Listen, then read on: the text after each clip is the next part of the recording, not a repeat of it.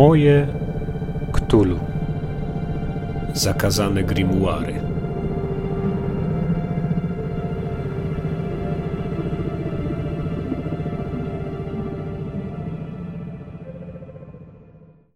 Cześć, jestem Kacper i witam Was w podcaście Moje Ktulu.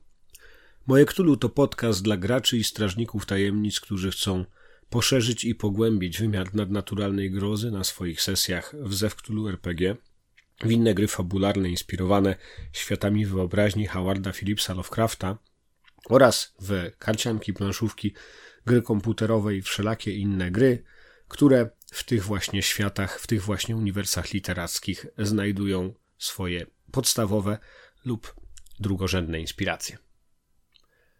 Cóż, liczyłem na to, że będę mógł nagrać ten odcinek.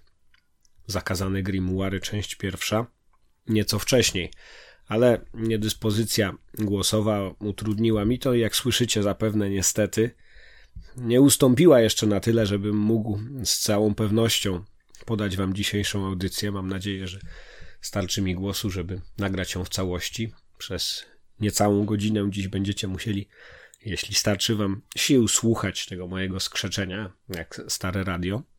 No ale jeśli jesteście w stanie to wytrzymać, to myślę, że będzie posłuchać o czym.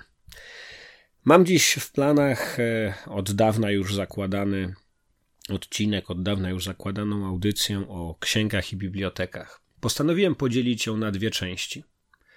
Wynika to po pierwsze z tego, że trwa jeszcze do poniedziałku 3 lutego konkurs noworoczny, konkurs na nowe tomy zakazanej wiedzy, w których e, możecie przemycić wątki związane z historią lub geografią Polski. Szczegóły na temat tego konkursu znajdziecie na stronie mojektulu.pl i na profilu facebookowym. Regulamin również jest na stronie internetowej, także jeśli jeszcze chcecie, to do 3 e, lutego do północy mm, dopiero mija wydłużony termin tego mm, konkursu. Jego zasady są bardzo proste. Trzeba przesłać po prostu do mnie mailowo opis nowej księgi związanej z mitami Cthulhu, która nawiązuje do geografii lub historii Polski i e, dodatkowe szczegóły do, odnośnie tego, jak te zgłoszenia mają być sformatowane, co tam się musi w nich znaleźć, możecie przeczytać właśnie na mojektulu.pl i w zakładce regulaminy, która zawsze zawiera najbardziej aktualne wersje regulaminów bieżących konkursów. Nagrody są atrakcyjne, bo za pierwsze miejsce jest to m.in. podręcznik główny do siódmego wydania ZW Cthulhu, e, nagroda od wydawnictwa Black Monk, ale dla pozostałych miejsc są to również bardzo atrakcyjne figurki Cthulhu i gadżety wydrukowane 3D przez 3D Hobby, Daniela Czarneckiego i mm, nagrania ambietowej muzyki Arkham Radio, e, która również może przydać Wam się i na sesjach, i w chwilach Waszej własnej cichej medytacji. W dzisiejszej audycji mam jak zwykle kilka sekcji. W Ktulu w Polsce odwiedzimy trzy klasztorne biblioteki, właściwie dwie klasztorne biblioteki, jedną bibliotekę uniwersytecką w Krakowie i jego okolicach, a więc e, Bibliotekę Jagiellońską, bibliotekę klasztoru w Tyńcu i bibliotekę klasztoru cystersów w Mogile. Będziemy szukać tam ciekawostek historycznych i wątków, które mogą przydać nam się na ktulowych sesjach. Mamy oczywiście poza tym tradycyjną porcję newsów. Mamy recenzję książki Michela Ulbecka e, Howard Phillips Lovecraft Przeciwko światu, przeciwko życiu. Fragment literacki, skoro mówimy o bibliotekach, to nasuwa się już na pierwszym miejscu powieść Imię Róży Umberto Eco. Ci z Was, którzy czytali lub widzieli film, to wiedzą już od razu, do czego będę nawiązywał, a ci, którzy jeszcze tego nie zrobili, to mam nadzieję, że od razu po przeczytaniu tej mm, e, notki i po wysłuchaniu tego podcastu, mm, dzisiejszej naszej audycji, pospieszą do bibliotek albo do księgarni, żeby zaopatrzyć się w egzemplarz tej absolutnie przebojowej powieści e, z lat 80., debiutu literackiego Umberto Eco, który przyniósł mu międzynarodową sławę i z dobrego powodu, dlatego że jest to postmodernistyczna powieść historyczna, ale tak absolutnie wciągająca i z taką maesterią napisana, że mm, te 700 stron, które liczy mm, w wydaniu kanonu na końcu na koniec wieku, którym ja tutaj dysponuję, ale no jest to Jest to niemała powieść, można połknąć w zasadzie w kilka wieczorów i trudno się od tej księgi oderwać. Jest to książka i księga niesamowita, bo o bibliotekach, o książkach, mm, o historii, a przy tym po prostu znakomity, znakomity kryminał. Jeśli widzieliście ekranizację, e, która również w owych czasach powstała z Seanem Connerem, to może warto odświeżyć sobie ten oryginał, czyli imię róży Umberto Eco. Dzisiejsza audycja, jako że odwiedzamy różne klasztory benedyktyńskie, cysterskie, okraszona jest chorałem gregoriańskim. Będą to fragmenty muzyki sakralnej Palestriny e, i są to takie typowe fragmenty liturgiczne. Mm, dwa takie utwory dzisiaj. Jeden to Kyrie, a drugi to Sanctus. Mam nadzieję, że będą one do was, dla Was dobrą inspiracją do tego, żeby się zanurzyć jeszcze głębiej w ten świat, w tę rzeczywistość klasztorną, bibliotek zamkniętych za wrotami opactw i szukać tam zakazanej wiedzy, szukać tam tego, co ma być ukryte przed publicznością, a więc ksiąg grimoirów, które skrywają w sobie tajemnice mitologii Ktulu. I to, jeśli chodzi o dzisiejszą audycję, jest mniej więcej cały przegląd treści. Chciałbym jeszcze nawiązać do konkursu. W chwili, gdy nagrywam ten, te słowa, wpłynęły już 24 prace konkursowe. Jestem bardzo pozytywnie zaskoczony e, i bardzo rad, że udało mi się taki konkurs mm, przygotować, który przyciągnął dużą liczbę zainteresowanych. Zachęcam Was, żebyście skorzystali z tych e, ostatnich dni i ostatnich godzin konkursu, żeby jeszcze przesłać swoje prace. E, no i nastawiam się na ich lekturę już niebawem. A jakie będą moje wrażenia z tej lektury, a zarazem wyniki konkursu, dowiecie się z kolejnej audycji za dwa tygodnie, która również będzie poświęcona książkom i bibliotekom. Zakazany Grimoire, część e, druga, i wtedy ogłoszę oczywiście wyniki tego konkursu. Nie przedłużając, czas sięgnąć po zakazane grimoire. Zaczynamy. Newsy.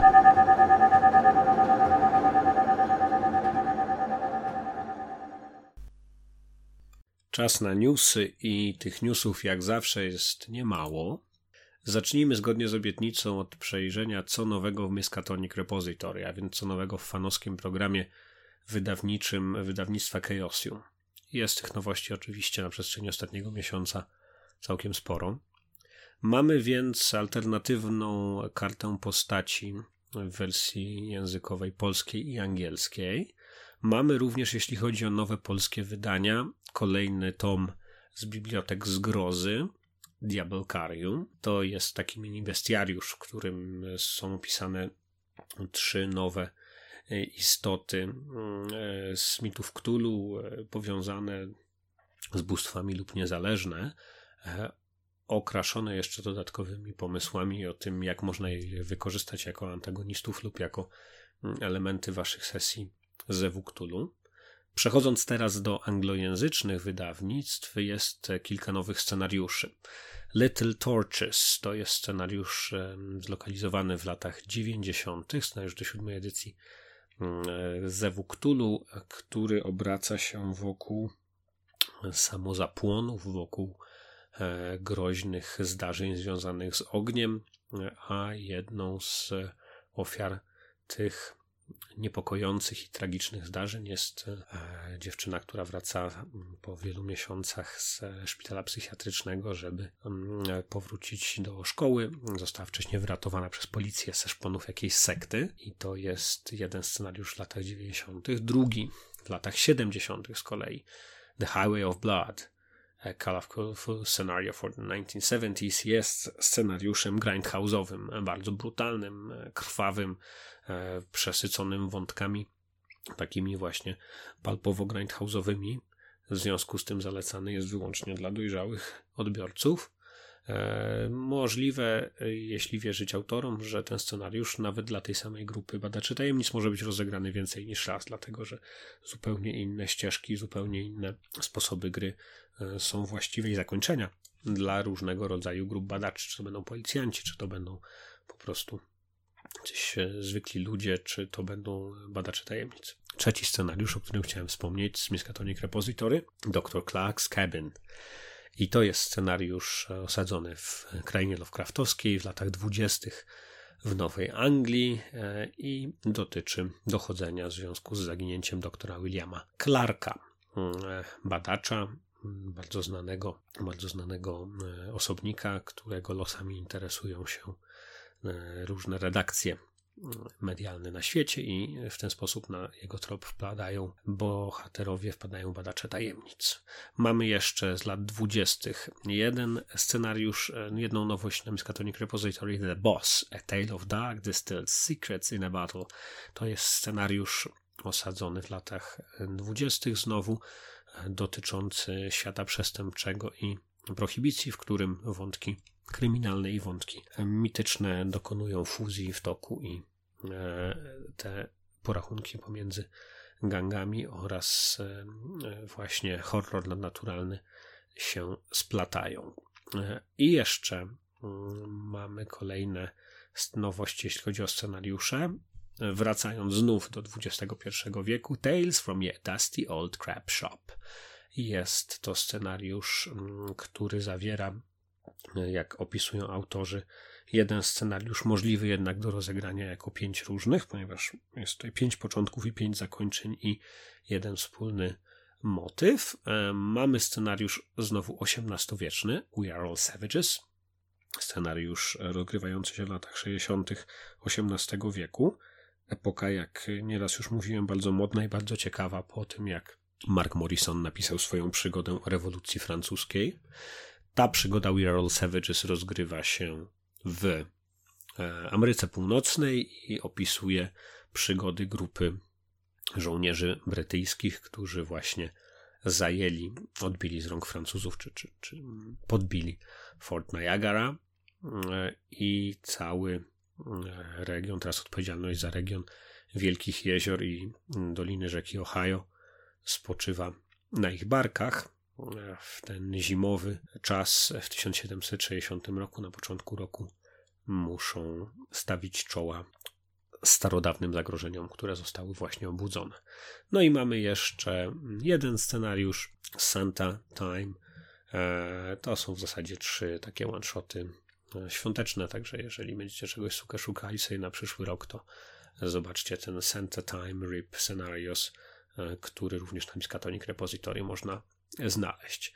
To jednak nie wszystko. E, chciałem jeszcze wspomnieć o tym, że wśród nowości wydawniczych Miskatonic Repository pojawił się dodatek o charakterze mechanicznym Boom or Bust Credit Rating Simplified and Amplified for Long Campaigns. I to jest e, suplement, który ma ułatwić zarządzanie statusem materialnym, czyli majątnością, mówiąc na nowe pieniądze w polskim wydaniu, kiedyś wiarygodnością czyli współczynnikiem credit rating i, i wszystkimi kwestiami związanymi ze stanem posiadania graczy w długich kampaniach. Jeśli chodzi o nowości w Miskatonic Repository, to jest tyle. E, obiecałem, że wspomnę też, co tam słychać na YouTubie. Mamy od kompozytora Grahama Plowmana, którego muzykę mogliście słyszeć już e, wcześniej w mojej audycji mm, poświęconej górom szaleństwa. Mamy nowy utwór instrumentalny, Satogła. Natomiast na e, kanale Chaosium pojawiły się ostatnio nowe treści. On nie był tak super regularnie update'owany. Część tych treści ma taki charakter czysto marketingowy, jakieś po prostu e, kartkowanie podręczników, e, tego typu rzeczy. Natomiast rzeczy wartych uwagi, moim zdaniem, to trzy nowe wywiady prowadzone mm, przez Mike'a Masona z różnymi osobami zaangażowanymi w rozwój linii wydawniczej ze Wukturu, m.in. Polem Frikerem i innymi. Na kanale Ucieczka z Arkham mamy e, opublikowaną e, świąteczną sesję ktulową i inne nagrania w klimatach e, grozy i kryminału. Jeśli chodzi o klimaty RPG, to tutaj na przestrzeni ostatniego miesiąca wysyp nowych nagrań z sesji. Pozdrowienia z Polski, część druga i trzecia, czyli dokończenie scenariusza w settingu Wydziału e, X, Wydziału 10 Ministerstwa Spraw Wewnętrznych, Służby Bezpieczeństwa. Mamy mm, z zimną krwią, a więc dwie pierwsze sesje e, rozgrywania scenariusza autorstwa między innymi Adama Wieczorka, który to scenariusz prezentowałem dwie audycje temu, w audycji grudniowej. osadzony na Alasce w latach dwudziestych scenariusz związany z eksploracją zaginionego lodowego miasta. I mamy jeszcze sesję Dorośli we mgle, a więc z aktualnej linii wydawniczej E, z dodatków do Zewuktulu, które ukazały się w ramach kampanii. Jest to scenariusz autorstwa Michała Bańki-Baniaka. Skoro o nim mowa, to warto też napomknąć, że na jego kanale regularnie ukazują się nagrania różnych jego ścieżek fabularnych z różnymi grupami w uniwersum ktulowym, a więc e, mamy i z tej grupy Hobo, i z grupy Sum, i niedawno, też miesiąc temu, opublikowane zgodnie z zapowiedziami nagranie E, tej sesji na żywo, która miała miejsce w e, Mateczniku Mazowsza, czyli Cthulhu 2320. Mamy też z anglojęzycznych kanałów Cthulhowych, które śledzę, How We Roll. Mm, jest to bardzo dobra ekipa publikująca sesje dobrze wyprodukowane w takim prawie słuchowiskowym klimacie, o prawie słuchowiskowym charakterze. Oni nadal brną przez kampanię palpową Cthulhu Two-Headed Serpent. Ich strażnikiem tajemnic jest tam nikt inny jak e, Scott Dowd, e, który jest jednym z twórców e, The Good Friends of Jackson Elias, tego świetnego podcastu i współautorem kampanii The Two-Headed Serpent. To już 38 sesja, także wysłuchanie tego wszystkiego nadrobienie zajmie wam sporo czasu, a jeżeli chcecie zacząć od nowa, to dodam, że Howie Roll zaczęli też kampanię Maskinia dla Totepa i jak dotąd ukazały się dopiero dwie sesje, nagrania z dopiero dwóch sesji, także tutaj już większych zaległości nie będziecie mieli. Chciałem wspomnieć jeszcze o nadchodzących w najbliższym czasie wydarzeniach. W Szczecinie 22 lutego e, w Expabie przy ulicy Mariackiej odbędzie się wydarzenie ktulowe, taki mikrokonwent e, organizowany przez ucieczkę z Arkham, przez, przez kanał Ucieczka z Arkham, e, pod nazwą Arkham Fest. Moja obecność na tym wydarzeniu jest bardzo wątpliwa, chociaż, chociaż bardzo dziękuję i doceniam zaproszenie, które do mnie mm, w związku z tym przyszło, ale e, no, nie, jest to, nie jest to bardzo prawdopodobne, żeby mi się udało dotrzeć, natomiast zachęcam Was i polecam to wydarzenie, grupę entuzjastów ze Szczecina, mm, w toku którego będziecie mogli zagrać sesję i inne atrakcje też są tam przewidziane. Drugie wydarzenie, o którym chciałem wspomnieć, to kolejne wydanie LARPA Zew Cthulhu Fin de Siècle, druga jego odsłona 14 marca w sobotę w Pałacu Lasotów w Sielonkach. Organizatorem tego jest kolektyw RP i w następnej audycji e, zgodnie z umową, jeśli niebo nie zwali nam się na głowy, to zaproszę Marysię Mary Piątkowską, współtwórczynię tego LARPA, żeby nam opowiedziała i zachęciła Was do udziału w tym, w tym świetnym LARPie. Ja byłem na jego pierwszej edycji, e, która odbywała się w Pałacu z Jabłonnie i był to wspaniały, był to LARP, nie zapomnę go nigdy. E, jeśli chodzi o mm, e, dodatkowe nowości, to mamy jeszcze na niwie wydawniczej jedną nową pozycję od Stygian Fox, New Tales of the Miskatonic Valley. Second Edition. Jest to nowe wydanie znanego no, sprzed już 12 lat podręcznika, którego autorem był i redaktorem był Keith Herber, wydanego w Miskatonic River Press oryginalnie. To nowe wydanie wydane przez Stygian Fox zawiera osiem rozdziałów autorstwa takich bardzo dobrze znanych autorów ktulowych, jak m.in. Oscar Rios, Sef Skalkowski, Kevin Ross. E, wszystko to wydane znakomicie pięknie zilustrowane przez Stygian Fox. Można już po 20 dolarów kupować PDF-y. Co do e, terminu ukazania się tego drukiem nie wiadomo i no cóż, Stygian Fox, jak wiecie, przechodził przez różne problemy, więc możliwe, że niektóre rzeczy będą się ukazywać albo z opóźnieniem, albo co nie daj Bóg wcale. Na koniec kilka informacji z Kickstartera. Mamy cztery, cztery kampanie, o których chciałem Wam wspomnieć, z czego dwie to oczywiście, jak żeby inaczej, emaliowane przypinki. No ale jak ktoś jeszcze nie ma żadnej, to może się zaopatrzyć w taką. Mamy tutaj um, kampanię Cthulhu Mythos Cultist and Tomes, czyli takie badże, takie przypinki kolorowe, emaliowane, nawiązujące do kultów i nawiązujące do zakazanych ksiąg dobrze pasuje do dzisiejszej audycji, a od innego producenta Lovecraft Castle Methods i tutaj e, są to zupełnie innym stylu e, czarno-białe czy srebrno-białe przypinki e, z wizerunkami bóstw Dagona, Cthulhu, Nyarlathotepa tych wielkich przedwiecznych oraz księgi Necronomicon. Całkiem ładne, dość gustowne, myślę, że nawet do jakiegoś takiego stroju bardziej wizytowego od by się nadały. Kwestia jak zwykle rozmiaru. Mamy jeszcze jedną zbiórkę na wydanie książki z opowiadaniami The Necronomicon of Solar Pons. E, będzie to mm, zbiór, antologia opowiadań detektywistycznych w klimatach Lovecraftowskich, a z wątków związanych z grami e, Mystery Adventure Inspired by H.P. Lovecraft, dwa jednostrzały What Happened to the Evie Ashwood i The Great Old One e, Compendium to jest pozycja, którą proponują nam twórcy z zespołu Tabletop Games z Wielkiej Brytanii i jest to scenariusz, jeśli dobrze rozumiem, do D&D do piątej edycji. Także jak widzicie, te wątki Lovecraftowskie tam się dobrze trzymają i cały czas linie wydawnicze różne są podtrzymywane przez fanów i niezależne ekipy.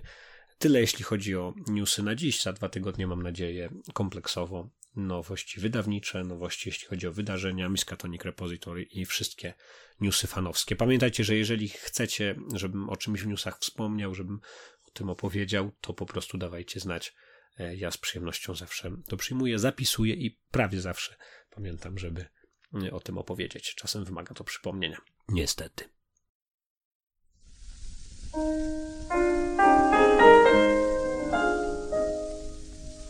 Ktulu w Polsce.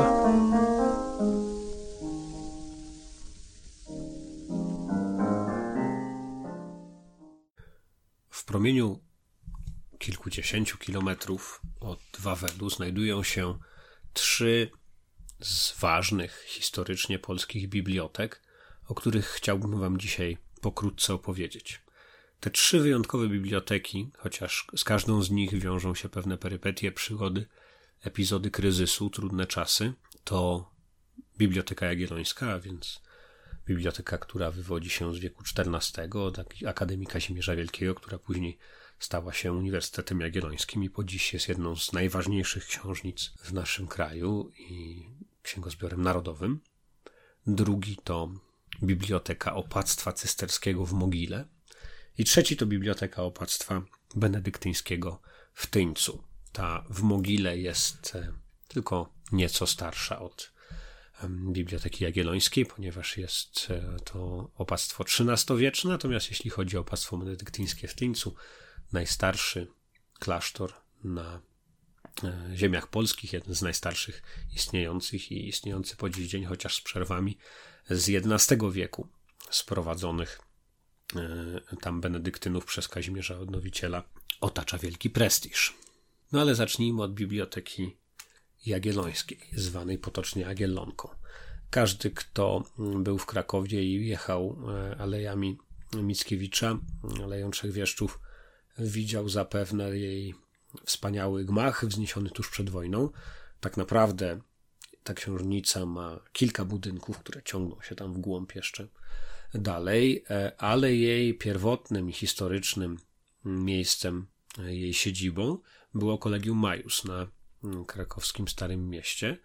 E, myślę, że też budynek dosyć dobrze znany jako symboliczny i, można powiedzieć jeden z najważniejszych budynków e, Uniwersytetu Jagiellońskiego. Ten e, księgozbiór zbierany był już od XIV wieku, ponieważ za datę utworzenia Uniwersytetu Jagiellońskiego uznaje się Fundację Kazimierzowską 1364 roku i do dziś w jego księgozbiorze zachowały się pewne kodeksy używane w XIV wieku. Jest to biblioteka o ogromnych zbiorach, licząca mm, blisko 6 milionów woluminów i jednostek.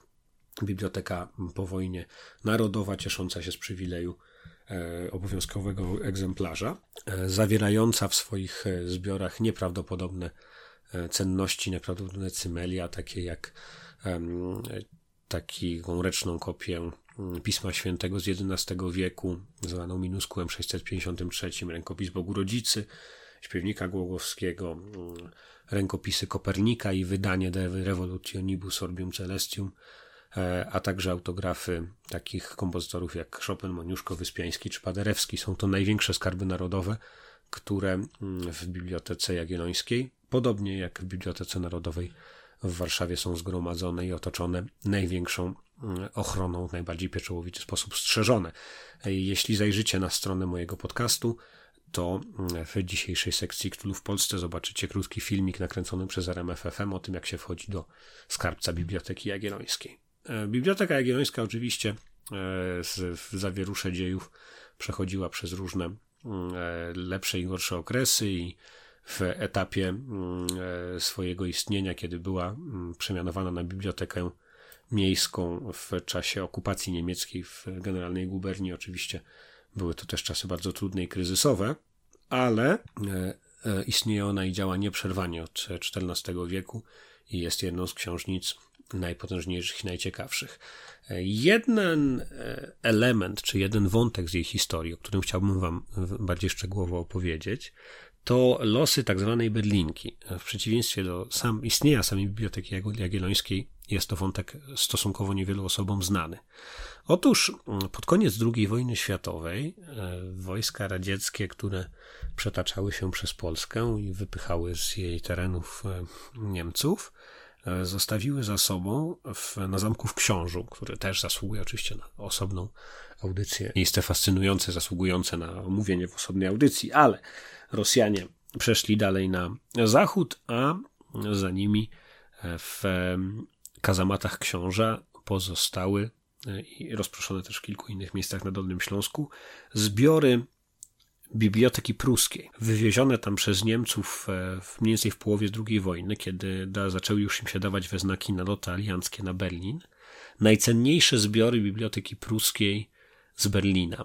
E, ogromny i bezcenny zbiór ksiąg, e, grafik, autografów, manuskryptów, który w skrzyniach był właśnie wywieziony na książ e, jako że tam na Dolnym Śląsku właśnie uważali Niemcy, że te zbiory będą bezpieczne. One wpadły w polskie ręce po wojnie i zostały w największej tajemnicy e, przeniesione do Biblioteki Jagiellońskiej, gdzie były zachowane i ukryte w jej piwnicach, a opinia publiczna i Niemcy sami dowiedzieli się o tym fakcie dopiero E, no, 30 lat po wojnie, dopiero pod koniec lat 70., kiedy Edward Gierek podarował swojemu towarzyszowi Erichowi Honeckerowi, pierwszemu sekretarzowi Komunistycznej Partii Niemiec, e, kilka sztuk e, cennych manuskryptów i autografów nut z tego zbioru. Do tamtej pory posiadanie przez Polaków i miejsce ukrycia, tak zwanej Berlinki, czyli właśnie tej kolekcji Biblioteki Pruskiej z Berlina było pilnie strzeżoną tajemnicą.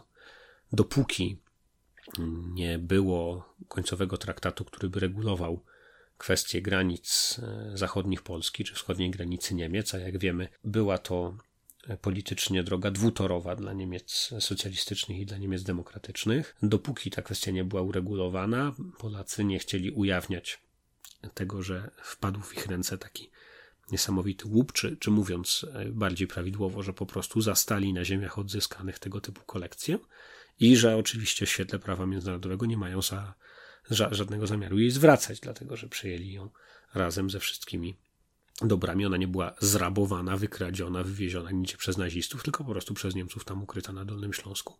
Tam odnaleziona, więc weszła e, we władanie, stała się własnością Polskiej Rzeczpospolitej Ludowej. Więc po 30 latach ten e, sekret został ujawniony. Od lat 80. E, Berlinka mogła być już otwarta dla e, zagranicznych badaczy, ale nadal zbiór ten nie jest włączony do mm, całości zbiorów Biblioteki Jagiellońskiej i nadal jego ogromna część jest nieopracowana.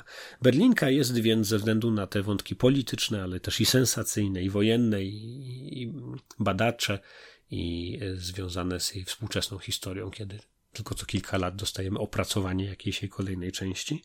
Jest bardzo ciekawa, inspirująca i wydaje mi się, że czy będziecie chcieli to zrobić w klimatach Wydziału 10, czyli Służby Bezpieczeństwa i Ktulu w PRL-u, czy będziecie chcieli to zrobić w klimatach e, właśnie końca wojny, czy w klimatach współczesnych, odkrycie, jakie w tym nie skatalogowanym jeszcze w pełni, e, nieopracowanym tak należałoby powiedzieć prawidłowo, zbiorze znajdują się zakazane księgi, to jest całkiem ciekawy trop i, jak sądzę, dobry pomysł.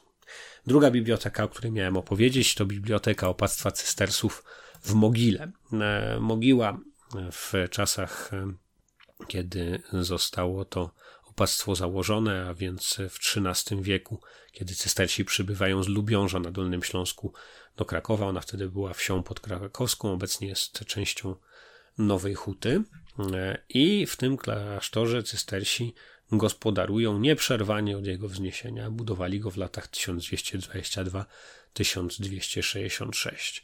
Warto zresztą odwiedzić mm, to opactwo. Ono nie jest na głównym szlaku turystycznym w Krakowie, a jest to bezcenny zabytek, zwłaszcza po przeprowadzonych w latach 90. renowacjach, kiedy usunięto różne barokowe naleciałości i teraz możemy oglądać wnętrze tego mm, kościoła w całym jego średniowiecznym gotyckim splendorze. Są tam wspaniałe rzeźby, między innymi pentaptyk ze Szczodrowa, e, ale i sam e, ołtarz główny i e, sama architektura nawy głównej, przepiękne polichromie, które zdobią wnętrze tego kościoła, w tym arcydzieło Stanisława Samostrzelnika, polskiego malarza, malarza XVI-wiecznego ukrzyżowanie, które znajduje się w krużgankach klasztoru. Wszystko to są prawdziwe skarby.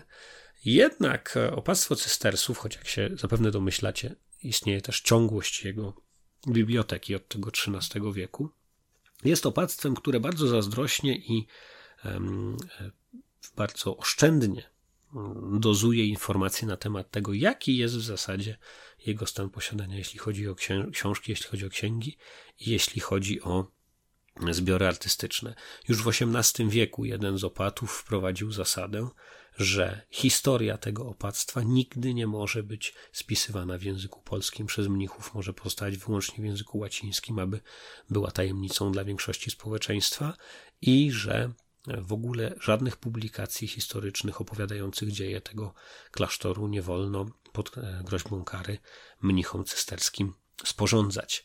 I możecie sobie wyobrazić, że to w zasadzie do, e, aż do dziś, dzisiejszego dnia e, mniej więcej funkcjonuje. Najlepszym dowodem na to jest, że kiedy w XX wieku pojawił się tak zwany, pojawiła się tak zwana monografia mogilska, monografia opisująca z perspektywy historii sztuki to opactwo, e, a nie zawierająca wcale pełnego inwentarza jego zbiorów, to e, opactwo cystersów w mogile przeżyło prawdziwą inwazję rabusiów i oszustów, którzy podając się za uczonych, wykorzystując różne chwyty, dostawali się do księgozbioru opactwa i kradli z niego nieprawdopodobne zabytki, księgi, dyplomy, manuskrypty, żeby później upłynnić je na czarnym rynku. Więc po dziś dzień nie mamy żadnego kompletnego online, ani też wydanego drukiem katalogu tego mm, księgozbioru, e, księgozbioru cysterskiego w Mogile. Możemy sobie tylko wyobrażać, jakie tam są cenności i jak niesamowicie bezcenne, jakie skarby tam się znajdują, do których dostęp mają tylko mnisi i wybrani, prawdopodobnie też zaprzysiężeni, aby dochować tajemnicy badacze. To ciekawy wątek, jak sądzę, dla Waszych sesji, zwłaszcza jeżeli dotyczyłyby one dochodzenia czegoś, co zostało skradzione, a być może mnisi wcale nie chcieliby, aby ktokolwiek dowiedział się, że w ogóle tam było. Może jakieś właśnie zakazane księgi albo, albo tajemnicze kodeksy w tym zbiorze się znajdują, a być może ogóle XVIII-wieczne przykazanie ówczesnego przeora, żeby historii tego e, klasztoru nie opowiadać i nie publikować, kryje jeszcze bardziej mroczne tajemnice. Trzecia biblioteka, o której chciałem Wam w dzisiejszej audycji powiedzieć, to Biblioteka Opactwa Benedyktynów w Tyńcu.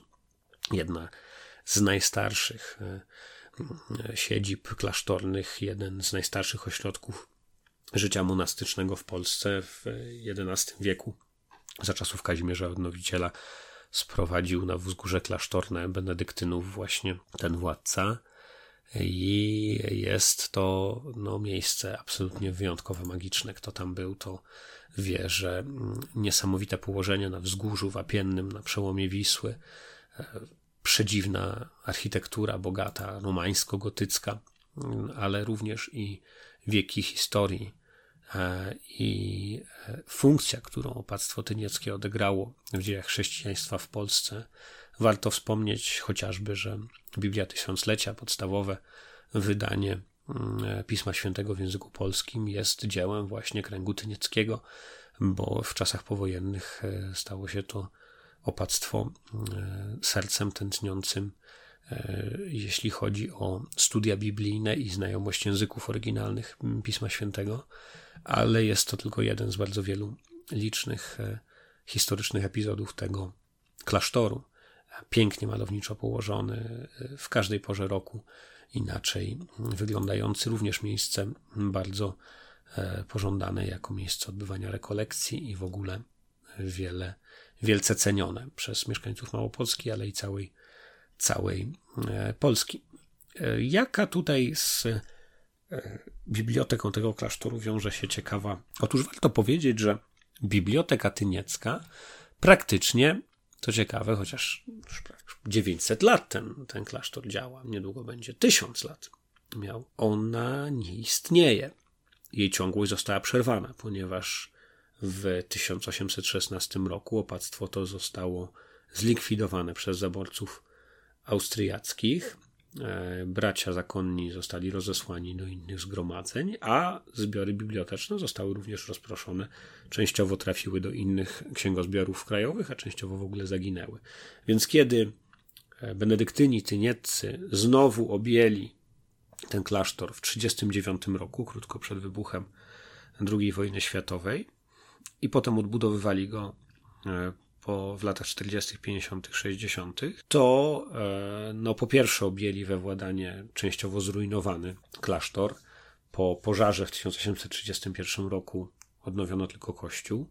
Całość e, tego e, zespołu klasztornego była szalenie zaniedbana i w dużej części zrujnowana, a sama jej biblioteka nosiła nazwę, to nazwę historyczną, oficjalną, Wielkiej Ruiny bowiem skrzydło klasztoru, w którym mieścił się księgozbiór, było zrujnowane do, do po prostu doszczętnie. Stały tylko po, co po niektóre ściany, zawaliła się część sklepień. Było to miejsce bardzo romantyczne, ale absolutnie nawet pół księgi tam nie było. I dopiero w 2008 roku, czyli 10 lat temu, ta wielka ruina po blisko 20 latach prac prowadzonych przez lata 90., plac prowadzonych bez projektu zamkniętego na miarę postępu badań archeologicznych, e, budowlanych, e, projektowana na bieżąco, żeby podnieść ją z ruin i, i już od 10 lat istnieje jako biblioteka, ale również jako dom gościnny opactwa benedyktynów. Ta wielka ruina znów stała się mm, e, no, po prostu funkcjonującym budynkiem, ale oczywiście nie jest to już ten księgozbiór i nic z niego nie zostało. Obecne zbiory biblioteczne opactwa benedyktynów w Tyńcu są zupełnie inne i nie mają żadnych cząstek ani elementów tego starego średniowiecznego, renesansowego czy późniejszego księgozbioru. E, czy to samo w sobie nie jest fascynujące i że można w różnych bibliotekach, bibliotece Uniwersytetu Warszawskiego, Bibliotece Narodowej, w Bibliotece Jagiellońskiej, na Dolnym Śląsku, w różnych miejscach odnaleźć fragmenty księgozbioru tynieckiego, ale też, że ta wielka ruina, biblioteka tego opactwa benedyktynów nie była odbudowana przez tak wiele lat. Czy nie kryje się za tym w waszych królowych światach wyobraźni jakaś ciekawa tajemnica, jak można byłoby to ograć? A może w czasie kasaty zakonu benedyktynów i tego klasztoru w Tyńcu w 1816 roku, w czasach zaborów, możemy wyobrazić sobie jakąś przygodę e, w angażującą antykwariuszy, poszukiwaczy przygód, może duchownych, którzy z tego opactwa benedyktyńskiego mają ewakuować pod e, nosem austriackich zaborców najcenniejsze manuskrypty i księgi drukowane, które nigdy nie powinny ujrzeć światła dziennego. Trzy wizyty w trzech bibliotekach w Krakowie i jego okolicach. Myślę, że spore bogactwo inspiracji, a tylko dotknęliśmy wierzchołka góry lodowej. Zachęcam Was do zgłębiania historii opactwa cystersów w Mogile i opactwa benedyktyńskiego w Tyńcu, do odwiedzin w Bibliotece Uniwersytetu Jagiellońskiego, w Bibliotece Jagiellońskiej i do czerpania pełnymi garściami z tego skarbca inspiracji, a może jeszcze ktoś zdąży na konkurs zgłosić coś z tego E, z tych wątków. E, dodam, że nie będzie to specjalnym atutem, e, to znaczy prace związane z tymi bibliotekami nadesłane dzisiaj albo jutro nie będą w żaden preferencyjny sposób oceniane.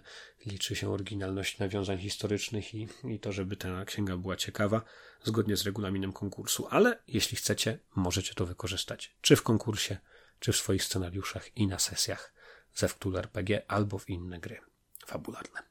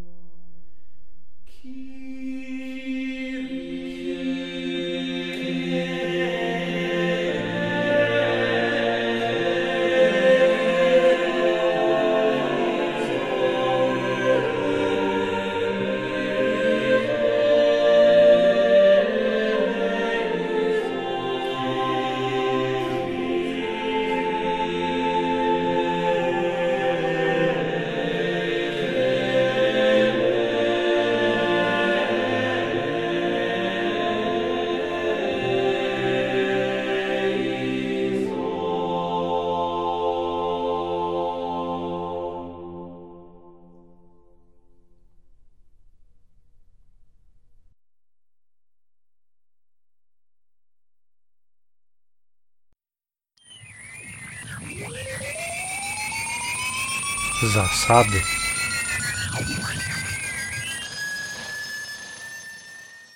Zapowiedziałem to na fanpage'u mojego podcastu, że zanim jeszcze upłynie termin mojego konkursu noworocznego, to poświęcę kilka minut w kolejnej audycji na omówienie schematu mechanicznego Ksiąg Wiedzy Nadprzyrodzonej w siódmej edycji Zewuktulu.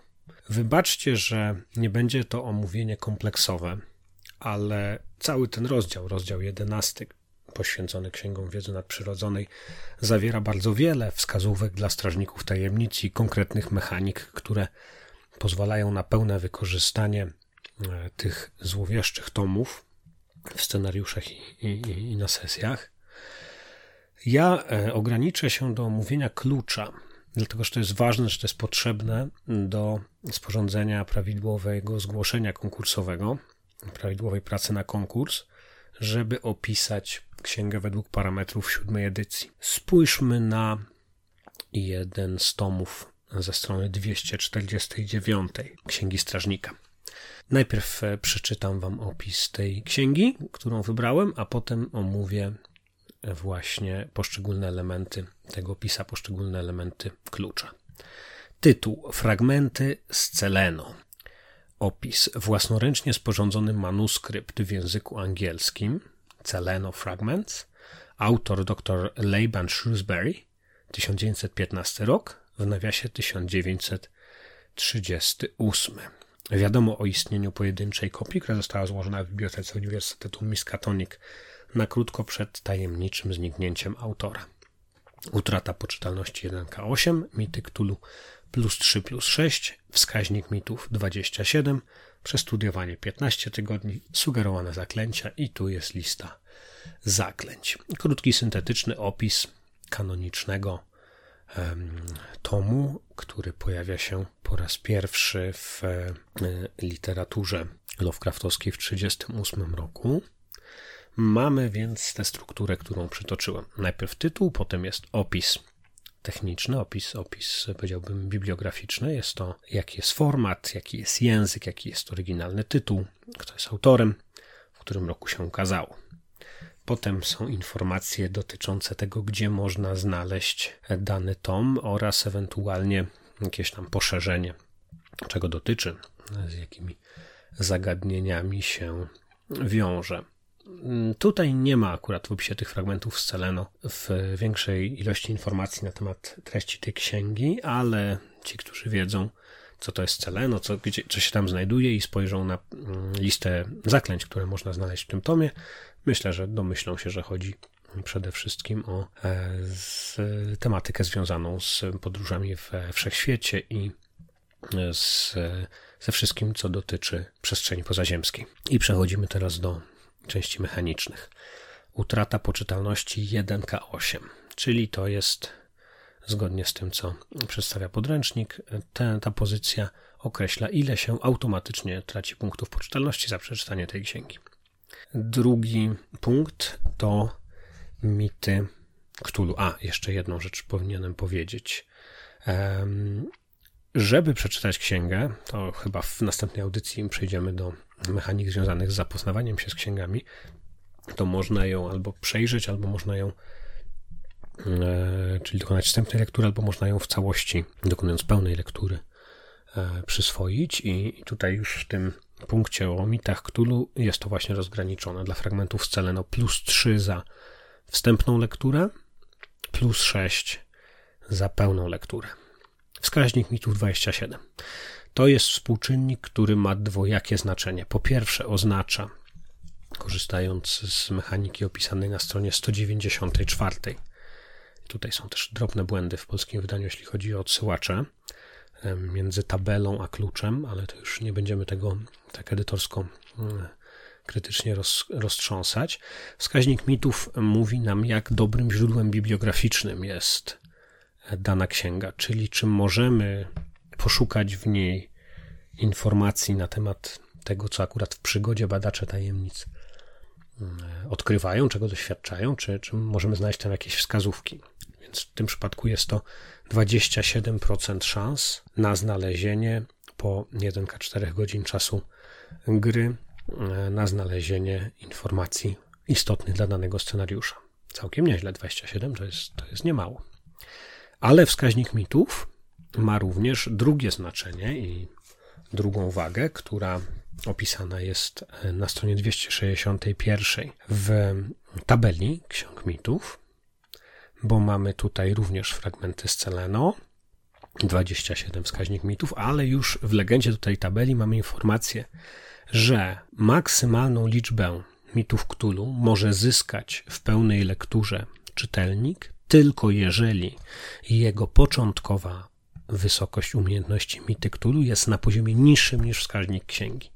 Czyli krótko mówiąc, tutaj są dwa e, rodzaje funkcji, dwa zastosowania tego wskaźnika mitów i do sprawdzania jako źródła bibliograficznego, jaka jest procentowa szansa na odnalezienie informacji istotnych dla danej przygody, związanych oczywiście z mitami Cthulhu, nie jakichś arbitralnych.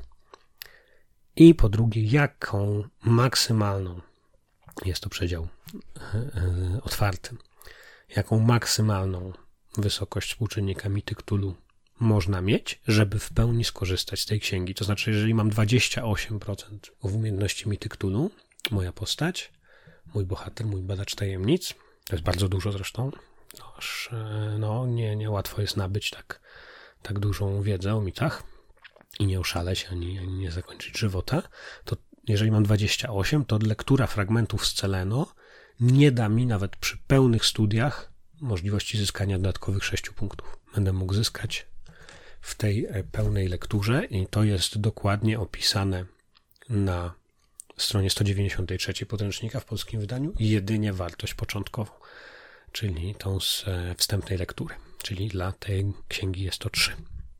Przestudiowanie. Sugerowany czas wymagany do pełnej lektury danego tomu 15 tygodni i sugerowane zaklęcia tutaj wiele nie trzeba tłumaczyć. Także jak widzicie, trzeba przeczytać żeby dobrze zrozumieć, jak w siódmej edycji wygląda mechanika zakazanych tomów Ksiąg Wiedzy Nadprzyrodzonej, trzeba dobrze przeczytać i znaleźć w kilku miejscach w podręczniku wyjaśnienia, bo e, jest to inaczej mechanicznie niż w poprzednich wydaniach. Nie ma na przykład wskaźnika czarów, to był taki mnożnik, który się stosowało, są, są inne pewne zmiany. Więc jeżeli chcecie poprawnie, zgodnie z mechaniką wykorzystywać księgi wiedzy nadprzyrodzonej, musicie zgłębić te niuanse. No i oczywiście mam nadzieję, że tym krótkim wykładem, tym wytłumaczeniem, egzegezą tego klucza pomogłem tym, którzy jeszcze pracują nad swoimi zgłoszeniami konkursowymi, żeby sporządzić je w sposób prawidłowy.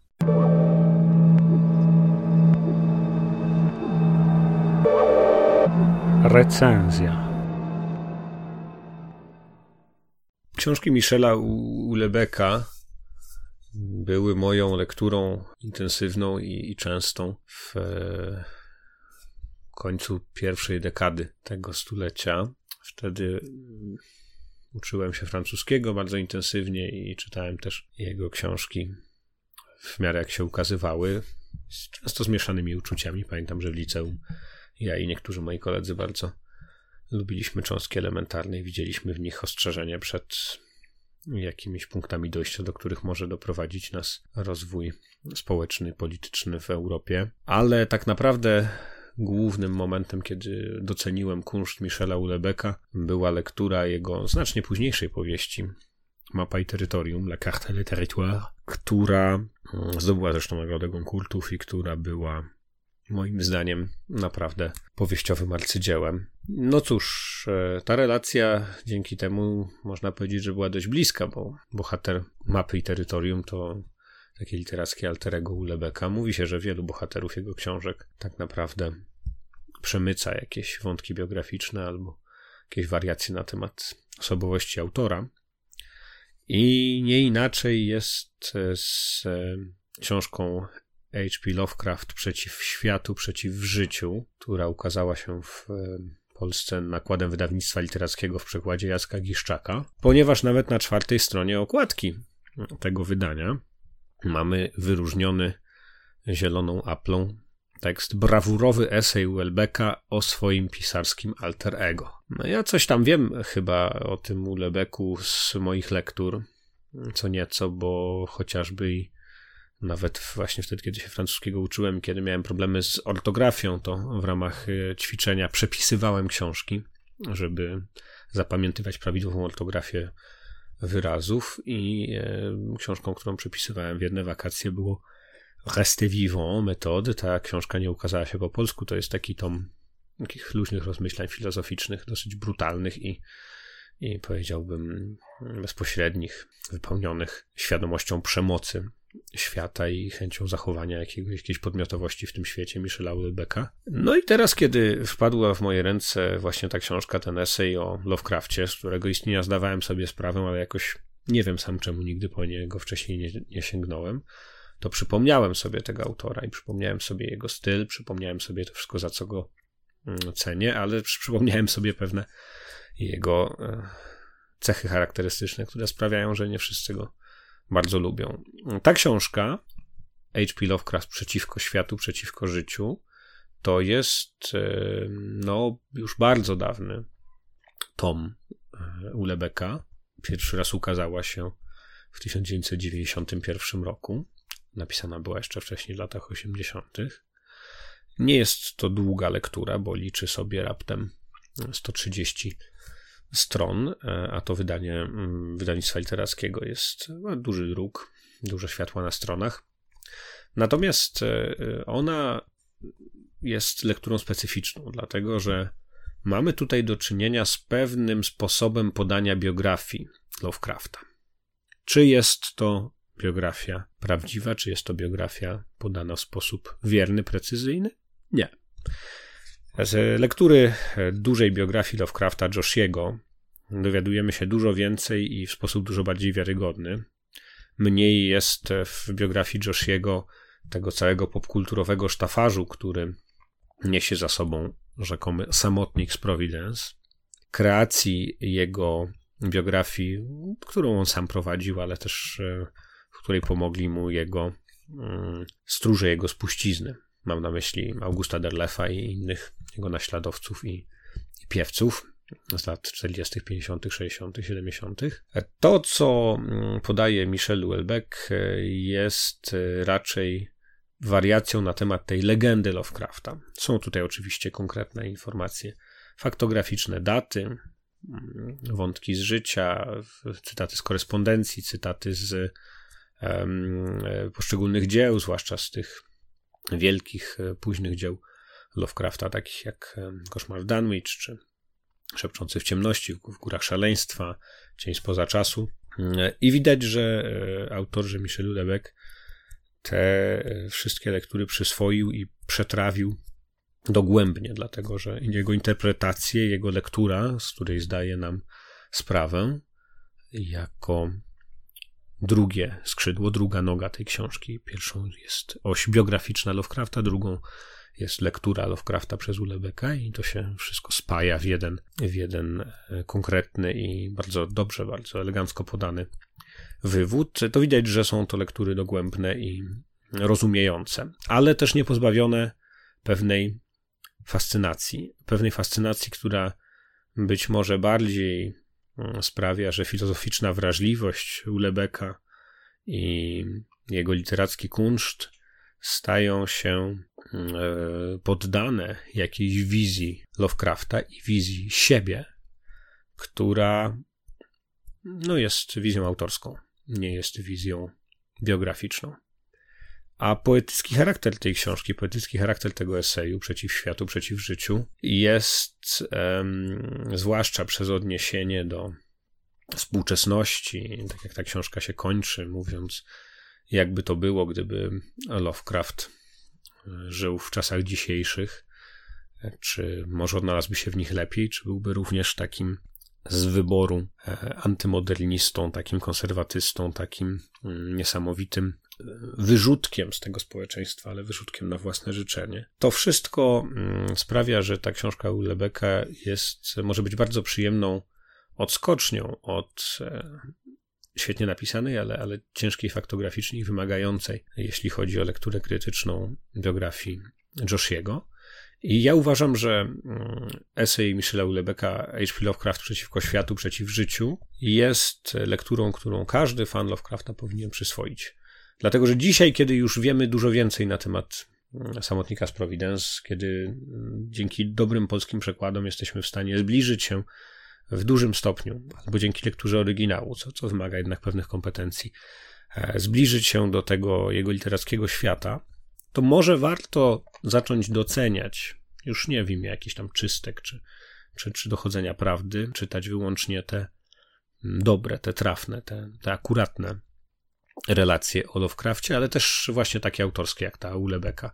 Zacząć doceniać, że dzieło takiego autora jak Howard Phillips Lovecraft żyje nie tylko w lekturze indywidualnej, wtedy kiedy ja czytam, i żyje nie tylko tak długo, jak długo są bajty i bity kodu, który tę książkę spisuje, który ją zawiera na moim czytniku, na moim komputerze, albo tak długo, zanim się nie rozsypią stronice na półkach biblioteki, ale że ono żyje również w perspektywie innych osób. I że kiedy ja mówię coś o Lovecraftie i rozmawiam z inną osobą, która go czytała, którego go doświadczała, czy przez gry, czy przez.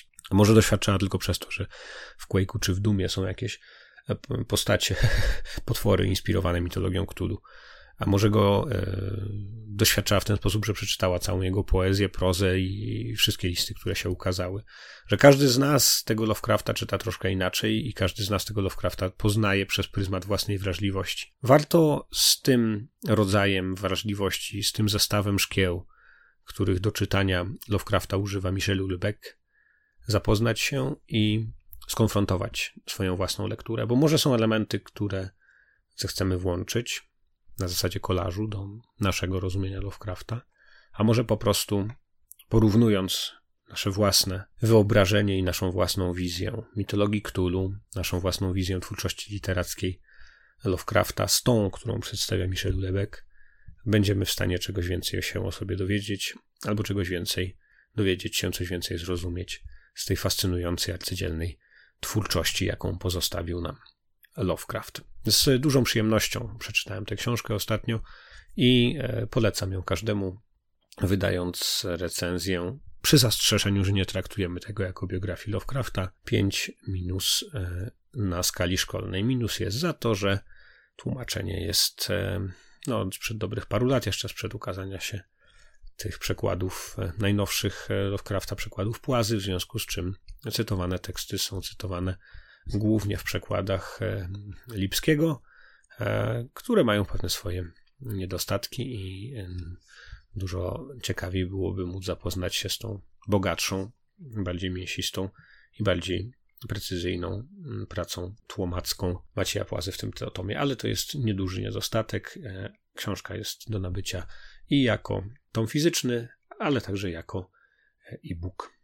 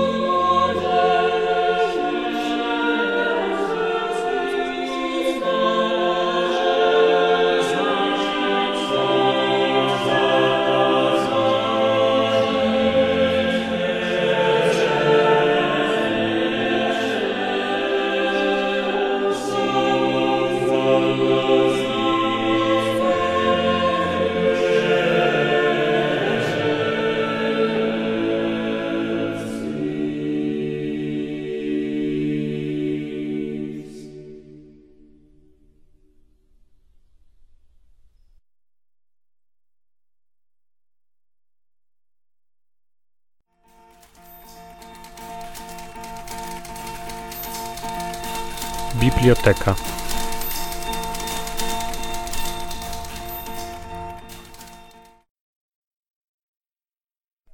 Umberto Eco.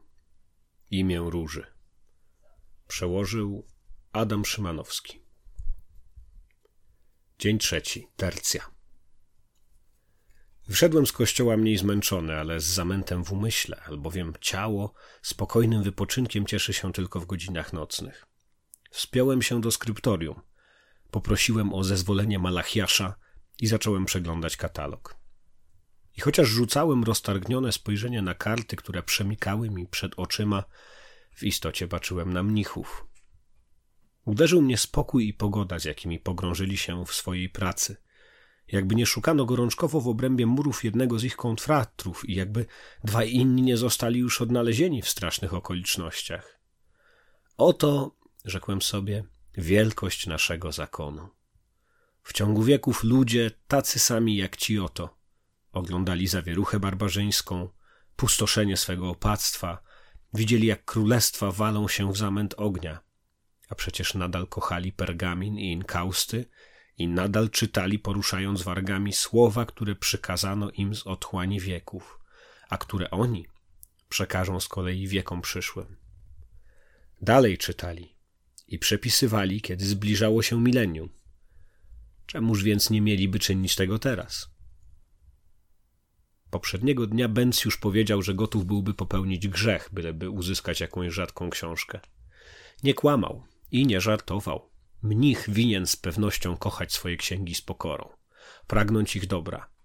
Nie zaś chwały własnej ciekawości, ale czym dla ludzi świeckich jest pokusa cudzołożnictwa i nienasycona żądza bogactwa dla duchownych regularnych, tym dla mnichów uwodzicielska siła wiedzy. Kartkowałem katalog i przed oczyma tańczył mi świąteczny orszak tajemniczych tytułów. Quinti sereni de medicamentis. Fenomena. Liber Esopi de natura animalium. Liber etici Peronimide cosmographia. Libri tres quos arculufus Episcopus Adamnano escipiente de locis sanctis ultramarinis designavit conscribendos. Libellus Iulli Hilaronis de origine mundi. Solini pollis histor de situ orbis terrarum et mirabilibus. Amalgestus Nie dziwiło mnie, że tajemnica zbrodni obraca się wokół biblioteki. Dla tych ludzi oddanych pisaniu biblioteka była jednocześnie Jeruzalem niebiańskim i światem podziemnym na granicy między ziemią a piekłem. Rządy nad nimi sprawowała biblioteka, jej obietnice i zakazy. Żyli z nią, dla niej i być może przeciwko niej, mając występną nadzieję, że pewnego dnia pogwałcą wszystkie jej tajemnice. Czemuż nie mieliby narazić się na śmierć, by zaspokoić ciekawość swoich umysłów? Lub zabić, by przeszkodzić komuś w zawładnięciu ich zazdrośnie strzeżonym sekretem? Zapewne. Pokusa umysłu pełnego pychy – Zupełnie inny był mnich skryba, jakiego wyobraził sobie nasz święty założyciel.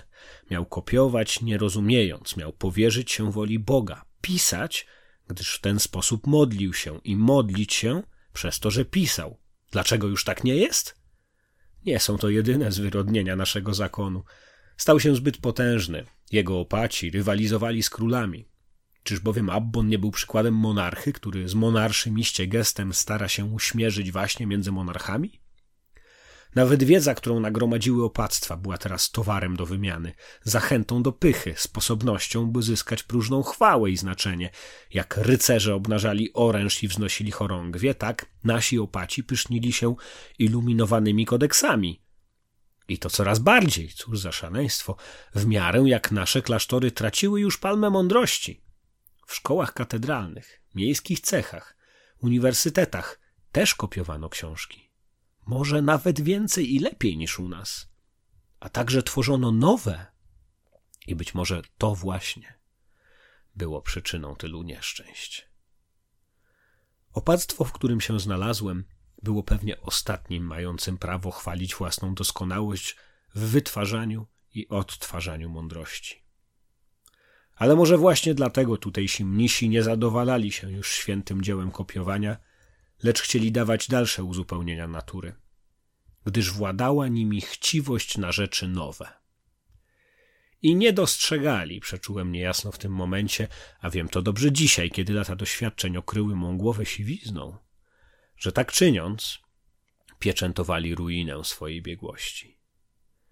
Gdyby bowiem nowa wiedza, jaką chcieli wytwarzać, wypłynęła swobodnie poza mury, nic już nie różniłoby tego świętego miejsca od szkoły katedralnej lub miejskiego uniwersytetu.